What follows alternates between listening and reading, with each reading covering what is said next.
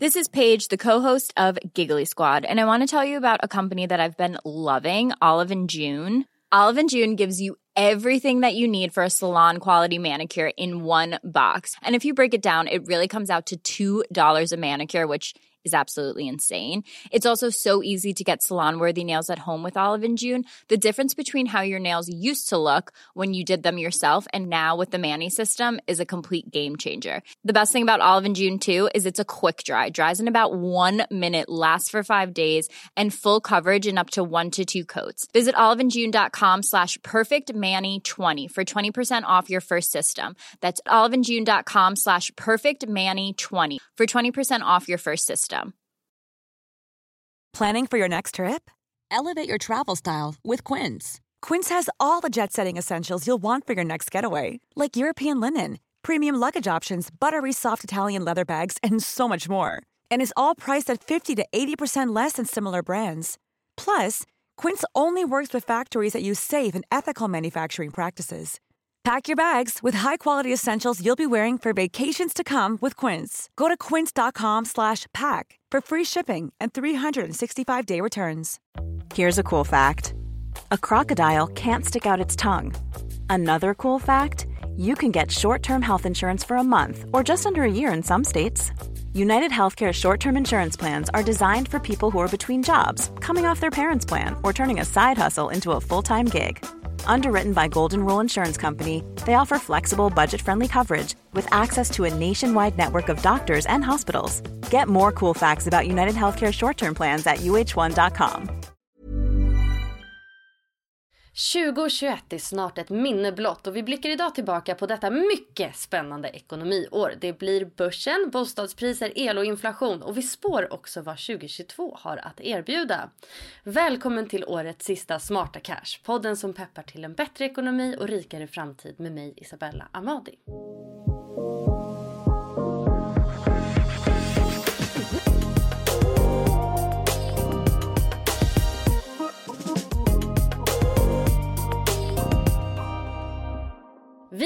Firar av 2021 och ringer in 2022 tillsammans med en allvetande supervass ekonomijournalist. Du har sett henne i det omåttligt populära aktieprogrammet Uppesittarkväll och hon jobbar till vardags på Omni Ekonomi. Sandra Johansson, välkommen hit! Tack så jättemycket, kul att vara här. Jättekul att ha dig här igen får jag säga. För du har ju faktiskt varit med i Smarta Cash förut för den uppmärksamma lyssnaren. Så var ju du faktiskt med och gjorde en årskrönika med mig förra året också. Så vilken ära att få ha dig här igen.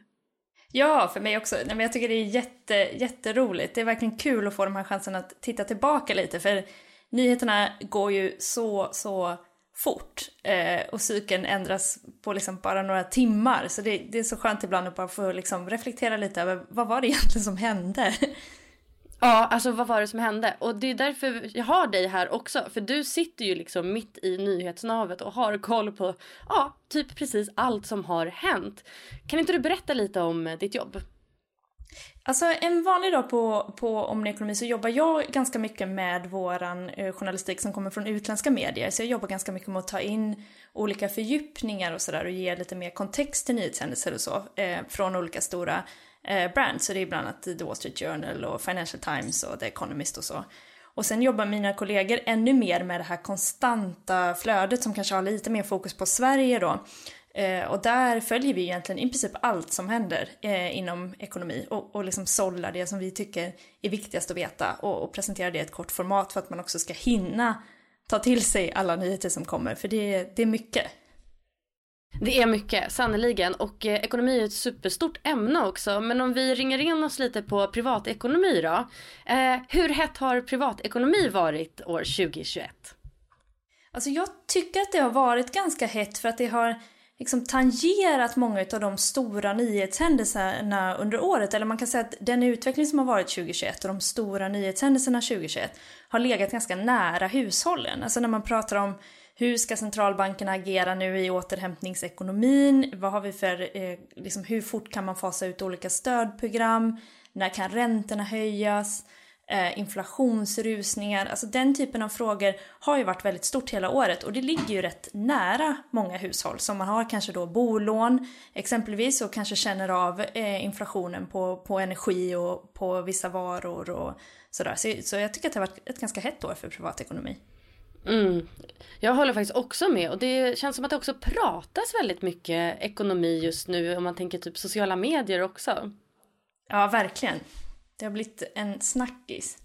Mm, så kul. Eh, hur har corona påverkat vår ekonomi? Alltså corona är ju ett väldigt orättvist monster. Det slår väldigt olika mot olika hushåll. Vi ser ju liksom fortfarande att vissa sektorer drabbas väldigt hårt, vissa branscher drabbas väldigt hårt och därmed också de som jobbar i de eh, branscherna. Medan andra har kunnat ta sin laptop och sätta sig i sitt vardagsrum eller i sitt kök eller kanske i, till och med i ett, eh, ett hemmakontor och jobba vidare och kanske istället då haft liksom större besparingar än någonsin när olika typer av nöjen och så har varit lite mer, ja det är svårare helt enkelt att konsumera eh, den typen av saker under corona. Så det har slått väldigt ojämnt men om man ser i stort så börjar ändå arbetslösheten sjunka igen och vi har sett en återhämtning från år 2020. Mm. Ja, för 2020 det var ju typ hela världens skitår. Så pratade man ju om det året. Så det är ändå 2021. Här har vi utan liksom börsen kanske? Upp. Ja, utan börsen, så ja. är det verkligen. Så nu har kommit ett snäpp upp ändå skulle du säga. Ja, absolut. Absolut, vi börjar se återhämtning. Även om det finns en del problem med, med komponentbrist och vi har haft en fraktkris och energibrist och sådär. Ehm, men det är mycket kopplat till liksom ändå en återstart, vilket förstås är ju i grunden positivt att en sån, att en sån sker. Mm.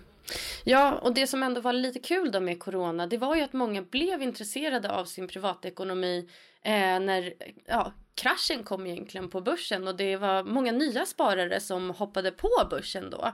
Eh, har intresset för investeringar hållit i sig sedan 2020 eh, in i 2021 nu? Ja, alltså det skulle jag säga utan att ha liksom sett några färdiga årssiffror för 2021. Så skulle jag säga det. Jag tycker fortfarande, precis som du var inne på, att man upplever det här med att eh, det snackas mer om aktier. Människor som kanske till och med i sin egen närhet som aldrig har intresserat sig för det tidigare har helt plötsligt eh, liksom läst på och, och, och har mycket frågor och sådär. Eh, I USA så brukar man ju skoja om det att man ska liksom passa sig lite när taxichauffören vill prata aktier. Eh, då vet man liksom att, att vi är på väg mot någonting som inte kommer hålla. Och det finns ju ett, ett mått av det när plötsligt alla är intresserade men det är ju också väldigt positivt. Alltså det, det är ju positivt att många hittar en mer gynnsam sparform, kanske framförallt när vi har väldigt snåla räntor på sparkontona om, om det finns några alls. Så att eh, det är ju verkligen en, en det är ju roligt att, att folk kommer in, även om det såklart också kan vara så att man kanske kom in under ett coronaår där börsen betedde sig på ett sätt som man kanske inte kan räkna med är liksom så det kommer fortsätta i flera år framåt. Eh, så, så det är väl kanske ett litet varningens finger om att eh, det kommer också komma år när börsen går ner såklart. Att man får anpassa sina förväntningar helt enkelt. Precis. För det var ju superspännande, okej jag ska inte säga spännande med coronakraschen. Men det var ett brant fall. Men det som var spännande var ju ändå att det var en relativt snabb återhämtning. Där man framförallt kanske såg techsektorn också, alltså verkligen skjuta rakt upp mot stjärnorna. Eh, eh, 2020 kan man väl säga att det var. Vad hände sen? Hur såg börsåret 2021 ut? Ja, alltså jag kommer ihåg en av mina kollegor sa att 2020 var liksom året då man kunde få värde i en bajskorv. Och, och det, var, det var lite så, allt gick upp. 2021 har man kanske ändå sett lite grann att det börjar bli lite mer så att man måste välja att liksom, vissa bolag i olika sektorer går betydligt bättre än andra och sådär. Så det, det, har återgått lite mer till det normala på det sättet eh, ändå, även om vi har sett ganska breda uppgångar också. Sen tycker jag det jag tycker att 2021 har varit ett ganska intressant år för att det är också ett år där man ser saker som vi kanske innan betraktade lite som avarter har liksom blivit lite normaliserat. Alltså jag tänker på att vi fick liksom den första svenska spacken. Det här har ju varit stort i USA länge men vi har aldrig haft det fenomenet på Stockholmsbörsen tidigare och vi har kanske sett det lite Kan som... inte du berätta bara vad en spack är så att eh, alla hänger med där? Eh, alltså det är som ett skalbolag. Man kan inte riktigt kalla det för ett skalbolag för, för det är inte helt juridiskt korrekt att säga att det är ett skalbolag. Men det är som ett bolag som man noterar på börsen helt innehållslöst. Alltså det har ingenting i sig mer än ett skal. Och sen ska det bolaget då förväntas göra olika förvärv. Och då har man egentligen bara ett, en förvärvsinriktning. Alltså du vet ju ungefär vad bolaget är ute efter för typ av förvärv. Så det är lite som att istället för att notera ett bolag som finns så noterar man först och sen hämtar man in bolagen. Så då är det mer att man köper, alltså att man tror på den som driver bolaget, att den kommer hitta en jättebra affärsidé eller ett bolag som den då investerar i. Ja. Det, så, så på så sätt är det ju mer kanske liksom personknutet, kanske inte möjligtvis, alltså inte nödvändigtvis till individerna utan kanske snarare att man tror på en viss investeringsstrategi eller så. Men, eh, men man, ja, nej det finns ju liksom inget förvärv där eh, från början eh, och det, det är ju lite spännande och är nog ändå någonting som vi har betraktat lite som, som en avart från, från svensk horisont tidigare och det har ju nu då liksom kommit in i, i börsvärmen även på Stockholmsbörsen. Nu har vi inte sett eh, några förvärv ännu. Vi har ju sett en, ett antal spackar men inga, inga förvärv. Så det blir väldigt intressant nästa år att se vad som, vad som händer med det där. Men jag tänker också på kryptovalutor som känns som att det har nästan liksom blivit lite mainstream 2021. Eh, så jag tycker det är intressant att fundera över liksom vad 2021 året som där liksom saker normaliserades eller blev bara det knasiga normalt? Mm, ja, verkligen. Eh, man kan väl säga kanske att det har eh, diversifierats eller att intresset liksom inte bara är för aktier utan man tittar på andra tillgångslag också. Mm. Och det tror jag är väldigt kopplat till att man inte, eh, att man inte ser så himla många eh, alternativ. Alltså när vi har ett sånt, eh, så låga räntor och, och sådär och börsen har gått väldigt bra och värderingarna är väldigt höga i många bolag så tror jag att det är naturligt att man försöker liksom hitta hitta andra sätt eh, eh, istället. Och såklart alltid spännande med nya, så jag tänker blockkedjeteknik och sådär.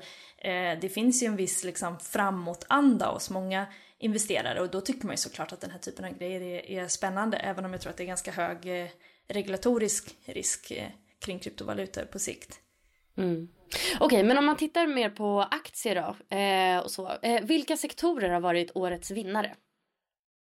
Ja, alltså mm, ja, som sagt då lite så har det varit lite mer så att man får välja eh, bolag inom sektorerna. Att allt, allt har inte gått bra på samma sätt som, som 2020. Men man kan se exempelvis i, i Sverige har ju fastigheter gått väldigt bra. Vi ser verkstad gått väldigt bra. Eh, bank börjar komma tillbaka, säkert med lite, lite hopp om högre räntor eh, på sikt. Så det har man ju sett och sen eh, det som har tagit lite mer stryk har varit, framförallt om man tittar utomlands i USA och Kina och så, så har det ju varit ett ganska tufft år för många eh, techbolag som har tagit mycket stryk när Kina har infört lite hårdare regler och, och även i USA har flera techbolag eh, tagit mycket stryk i år. Så där har man ju sett att det backar lite istället. I Sverige har man ju kanske eh, mest sett det med olika, vi har ju sett en del ändå så förhoppningsbolag eller bolag som satsar väldigt hårt på en produkt som har eh, straffats när det då inte riktigt går hem som Oncopeptides exempelvis. Mm.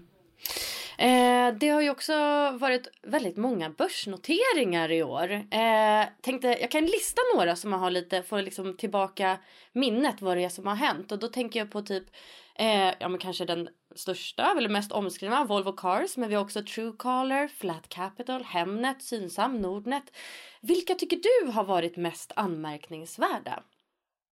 Alltså det är ju svårt att inte fastna vid, vid Volvo Cars för att det är ju ett sånt bolag som man har ju pratat om deras börsnotering så länge jag har jobbat som ekonomijournalist, alltså det har ju spekulerats i det här hur länge som helst. Så det är nästan så att när, den, när de spekulationerna kommer att man är liksom lite mätt. Det har varit mycket ropa varg liksom. Men nu hände det faktiskt. 2021 blev faktiskt året då det, då det hände. Så det, det är klart att det är spännande. Och sen tycker jag att det är väldigt spännande eftersom du har den här kinesiska komponenten att de är kinesiskt ägda för att det säger också någonting, alltså vad som händer med Volvo Cars och hur det utvecklar sig framåt säger också någonting om hur Sverige ser på riskerna kopplat till Kina och kopplat till liksom bolag med kinesiska ägarled och sådär. Så det tycker jag är en väldigt, det är en väldigt spännande notering ur den aspekten också.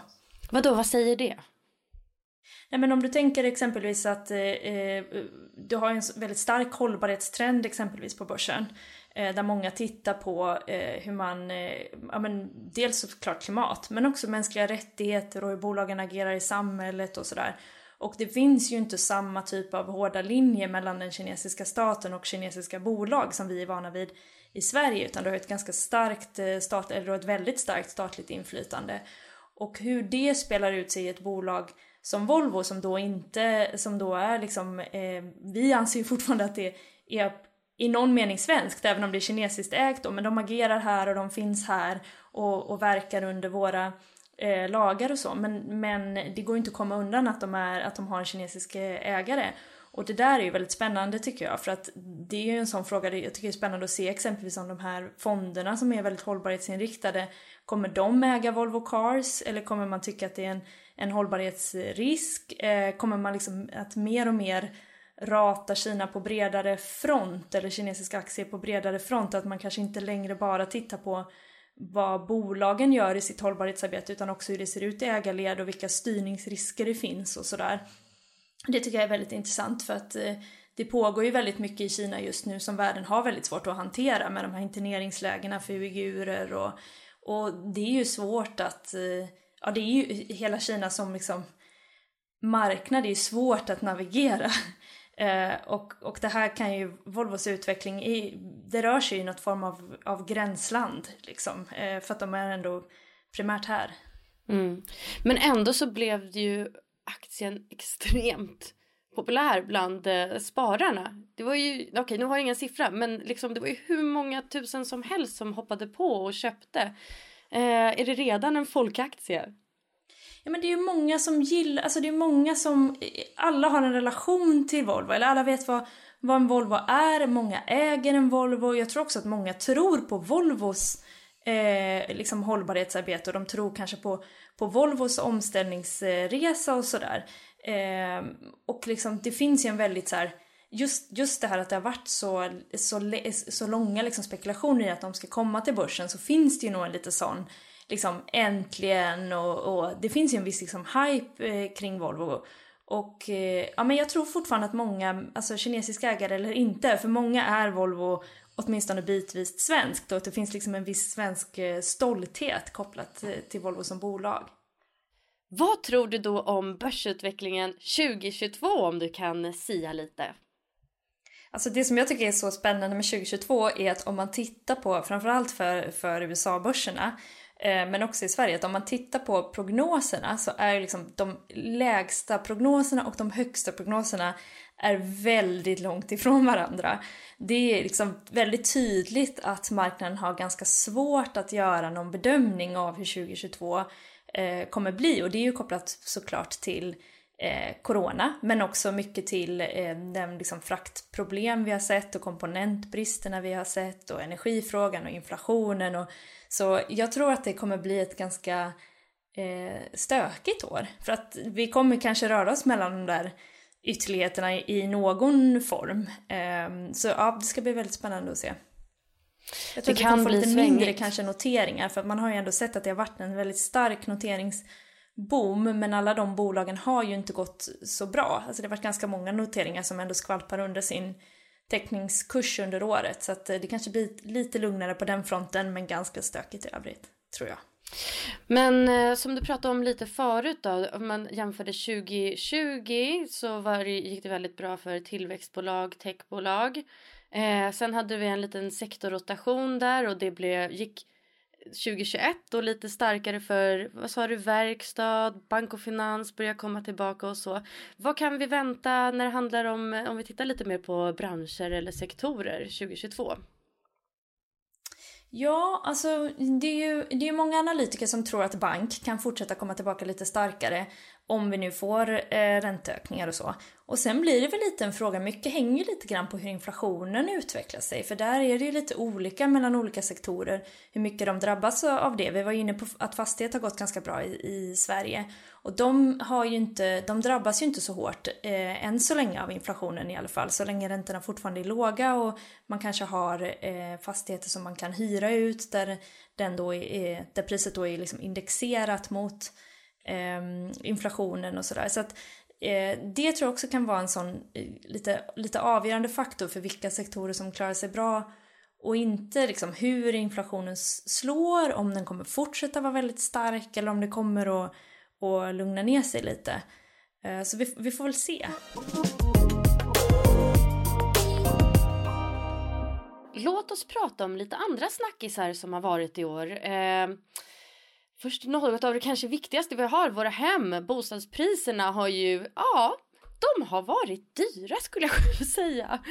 Det de gick från dyra varit... till ännu dyrare. Precis, det har skenat på många platser och det är ju liksom inte bara de bostäder vi bor i utan vi har också sett en värdeökning på fritidshus till exempel. Eh, kan inte du berätta lite, recappa lite, hur har prisutvecklingen sett ur och varför har det blivit så här? Alltså mäklarna pekar ju framför allt på att det är den här trenden med eh, hemmajobb som har gjort att många känner att de behöver mer plats, man kanske behöver ett extra rum och sen det då i kombination med framförallt de hushållen som inte har tappat inkomst utan man har kvar sin inkomst, räntorna är extremt låga och man kanske då har lite större besparingar än vanligt och så behöver man det här extra rummet. Då passar många på. Och det såg vi ju redan 2020 och den utvecklingen har ju fortsatt under 2021 även om den inte har varit lika extrem. Men det är ju också så tyvärr nu att vi börjar ju det här året med nya hemmajobbsrestriktioner vi går ju in i 2022 med det. Så att, att det skulle liksom drastiskt förändras tror jag att det är ganska få som tror. Men sen kanske det lugnar ner sig lite för att den här, eh, dels om räntorna på sikt kan eh, öka lite grann. Om det blir mer prat om det så kanske många blir lite mer försiktiga och det här liksom passa på-känslan kanske försvinner lite grann. Eh, så att de flesta väntar sig kanske ändå lite lugnare utveckling men, eh, men ändå fortsatt behov av lite större ehm, framförallt kanske liksom ett extra, ett extra rum. Mm. Eh, och de som kanske inte har kommit in på eh, att köpa än kanske sitter här och väntar på ett eh, ras. Finns det något sånt i sikte? Jag har inte, eh, jag har inte faktiskt sett några analytiker som har spått några större nedgångar eh, nästa år. Det har jag inte. Eh, jag tror att det är svårt och lite lite beroende på såklart var man ska köpa, men om man ska köpa i storstadsregioner så tror jag att det är svårt att sitta och vänta på att det ska rasa faktiskt. Mm. Ränteläget då?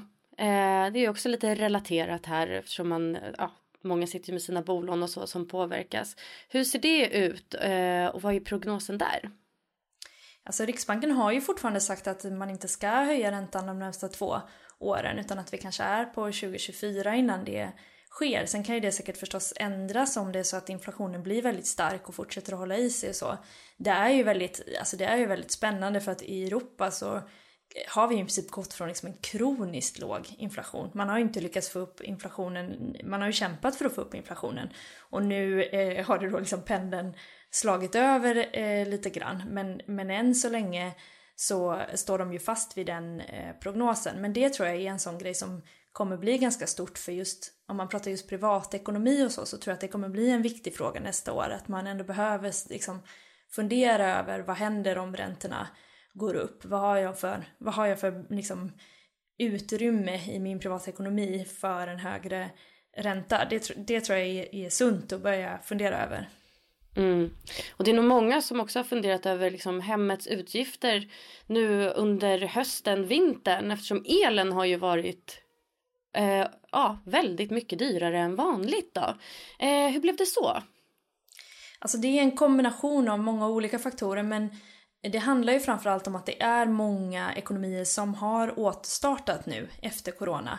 Och det är behovet är väldigt stort. Behovet är, är stort på många håll i världen och när många vill ha det samtidigt så rusar ju priserna. Och sen finns det ju också liksom, ytterligare faktorer som adderar till den här liksom, mixen. Eh, och det handlar ju kanske, i Sverige har ju exempelvis en stor fråga att det är ganska, fortfarande ganska svårt att se till att elen är på rätt ställe vid rätt tidpunkt. Vårt, vårt stamnät fungerar inte alltid som vi skulle vilja med att flytta el mellan olika delar och sådär vilket gör att det kan bli väldigt dyrt. Framförallt eh, för människor i södra Sverige har det ju slått hårt. Eh, och sen är det också många ekonomier som befinner sig någonstans i en omställning mellan mer då fossila bränslen och mer förnybara bränslen. Och det påverkar ju också, det gör ju att det finns en ganska låg investeringsvilja i fossila bränslen. Så att det har ju inte investerats lika mycket i nya projekt och så på senare tid. Ehm, och det gör ju också att man hamnar i en liten sån övergångsperiod där man kanske också är lite extra eh, känslig för den här typen av störningar. Men det drivs ju framförallt av en stor efterfrågan och ett, eh, ett svagt utbud som gör att eh, priserna far iväg. Mm. Men som räkningsbetalare vill man ju gärna att den här utgiften dalar. När kan man se priset gå ner igen? Oj, det vågar jag faktiskt inte svara på men man kan i alla fall kanske glädjas åt att det finns en viss säsongsvariation och när det inte längre är lika kallt så dels så minskar ju såklart vårat behov men, men då borde också eh, priset avta lite grann. Men eh, det är klart, det kan ju, det kan ju vara några månader eh, tills dess, det vågar jag faktiskt inte svara på. Mm. Inflationen då? Det har ju varit en hel del skriverier om detta, ja för vissa lite skrämmande begrepp kanske. Rusande inflation hit och dit. Vad är det man har pratat om egentligen?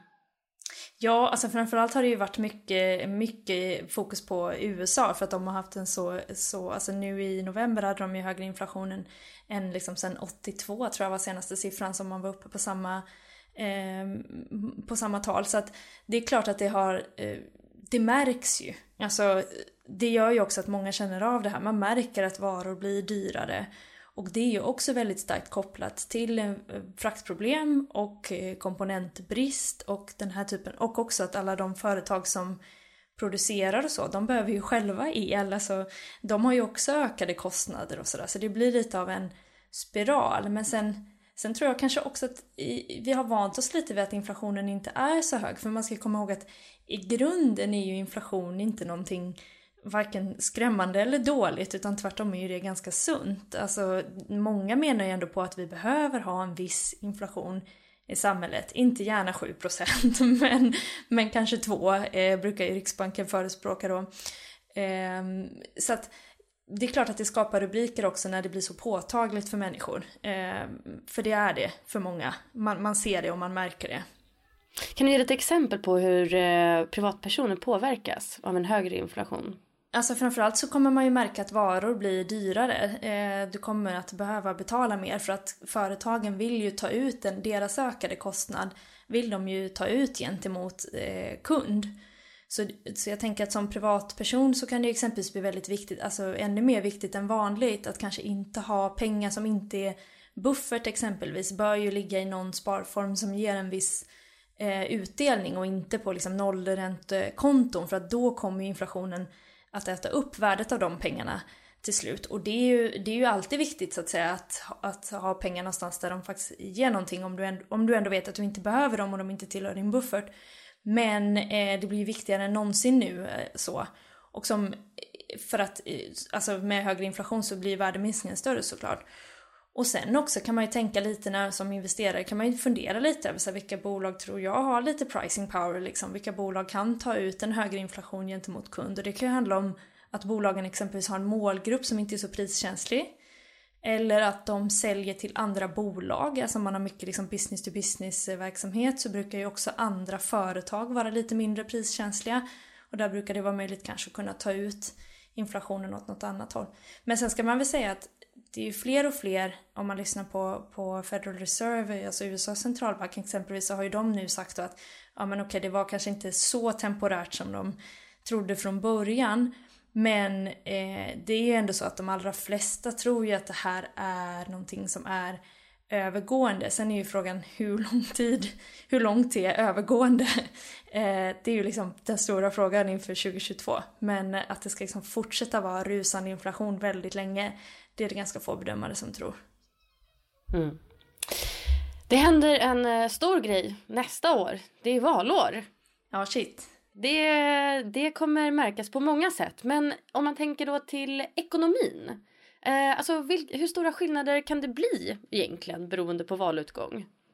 Alltså det finns ju en del skillnader. Vi har ju pratat mycket om energi och där har man ju lite olika syn på exempelvis kärnkraftens eh, roll. Det är ju en typisk sån fråga som delar partierna där, man, där vissa tror då lite mer på att lagringstekniker och, och bättre nät ska kunna liksom fungera ändå. Andra tycker att man ska, lite mer på högersidan då, tycker att man ska investera i ny kärnkraft och sådär. Och även på skattepolitiken finns det ju en del skillnader. Det är ju väldigt tydligt att S gärna vill att de som har det allra bäst ska betala lite mer i någon form. Sen har det ju varit lite Eh, alltså, jag tror att hela året kommer vi ha många eh, nya förslag och så. Och det, där har vi inte sett exakt vad det är man vill göra. Men det är ju också en sån tydlig skillnad. Eh, att S vill skatta höginkomsttagare mer i någon form. Eh, eller rikta in sig på kapital har ju också varit en, en fråga. Eh, men jag tror ändå, ja det är klart man har också lite olika syn på vinster i välfärden. Det är ju en sån återkommande politisk fråga som kanske kan få lite liv även nästa år. Men eh, jag tror ändå att det, liksom, det stora blir ju mer, kommer ju nog mer handla om liksom vad som är politiskt möjligt. Eh, för jag menar det är ett så otroligt tajt läge i svensk riksdag har vi ju sett hela året. Så att jag tror att det kommer vara liksom det stora fokuset kanske som eh, på liksom vad de vill göra så tror jag att det, det stora fokuset kommer vara mycket på vad kan de göra och liksom, vad kan de hitta stöd för och så. Om man pratar energipolitiken så är det också många som betonar att ja, men det är viktigt att ha långtgående liksom, partiöverskridande överenskommelser så att det inte blir ett havsverk. Eh, skatter och sånt är ju lite lättare. Eh, det kan ju svänga lite mer fram och tillbaka. Mm. Eh, och inför, eh, eh, nu när det nya året ändå kommer och innan valet, kommer det hinna införas några nya lagar eller regler som påverkar våra plånböcker på något sätt? Alltså det kommer ju lite grann vid årsskiftet. Eh, exempelvis så kommer ju pensionärer att få lite höjt bostadstillägg och lite sänkt skatt. Och sen, eh, vad har vi mer för eh, nya grejer inför nästa år? Det har ju varit lite snack om reseavdraget, att man vill ändra det och det är ju en stor grej för att det är väldigt många som använder det. Eh, det är ju många som använder reseavdraget, men det kommer inte hända förrän 2023. Eh, så jag tror nog att det största för hushållen nästa år kommer ändå att bli ehm, liksom ränteläget och hur det utvecklar sig under året. Det är nog det som kommer påverka hushållen mest. Just det. Eh, gud. Nytt år alltså. Man blir ju helt... Eh vilken fin summering du har gjort. Jag skulle jättegärna vilja ställa en sista fråga till dig också. Med ett lite lättsammare fokus. vilka, vilka är dina bästa tips på ekonomirelaterade liksom, underhållning? Lite nu under ledigheten. Finns det några böcker, poddar, filmer som du tycker är måsten? Oh, jag fick själv eh, tips om att läsa den här Alibaba-boken. Eh, The House That Jack Ma Built som tydligen ska vara väldigt bra. Om liksom lite grann resan fram till, nu har det ju varit mycket, liksom stormat mycket kring honom nu, men det här är mer liksom resan fram till 2018 ungefär tror jag. Eh, så den var jag lite sugen på att läsa, jag har hört att den ska vara väldigt bra, att man får lite djupare förståelse för hur det är att, att liksom driva företag i Kina, vilket är en ganska Eh, ja men kanske en värld som man inte har så djup inblick i annars. Så det tycker jag verkar som en bra, en, ett bra tips som jag tänkte följa. Sen läste jag nyligen eh, The Empire of Pain som är skriven av, eh, nu ska vi bara hitta hans namn. Patrick Radden Keefe heter han, som har skrivit den. Och den handlar om eh, Sackler-familjen och deras företag som har ju fått väldigt mycket skuld för opioidkrisen i USA. Jag tyckte att den var väldigt, eh, väldigt intressant för att den säger väldigt mycket om både liksom hur amerikansk läkemedelsindustri fungerar men också liksom vilken påverkan ett enda företag eh, kan ha på en hel nation. Så, så den tyckte jag var väldigt läsvärd. Och sen tycker jag att man ska kasta sig över alla sådana här årssummeringar, årskrönikor, framåtblickar. Alltså det gör så otroligt mycket bra sånt eh, just nu. Och det tycker jag själv är väldigt roligt. Mm. Så fina tips. Och jag håller helt med om det här med årskrönikor. Men det här måste ju vara typ den bästa årskrönikan eftersom jag hade dig med Sandra. tack så jättemycket. Det var jätteroligt att vara här. Ja, alltså verkligen tack till dig att du eh, ville vara med på detta än en gång. Eh, och stort tack till eh, dig som har följt den här podden under året och lyssnat på ett eller flera avsnitt. Vi ses igen nästa år. Gott nytt år!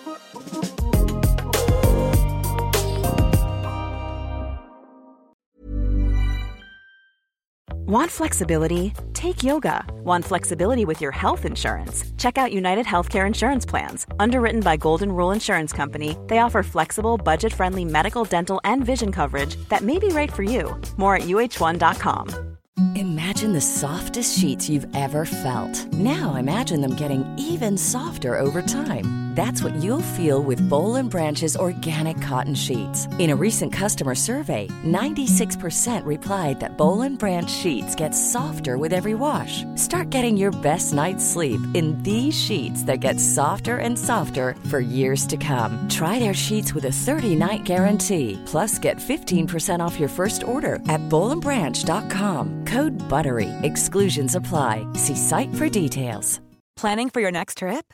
Elevate your travel style with Quince. Quince has all the jet setting essentials you'll want for your next getaway, like European linen, premium luggage options, buttery soft Italian leather bags, and so much more. And is all priced at 50 to 80% less than similar brands. Plus, Quince only works with factories that use safe and ethical manufacturing practices. Pack your bags with high-quality essentials you'll be wearing for vacations to come with Quince. Go to quince.com/pack for free shipping and 365-day returns.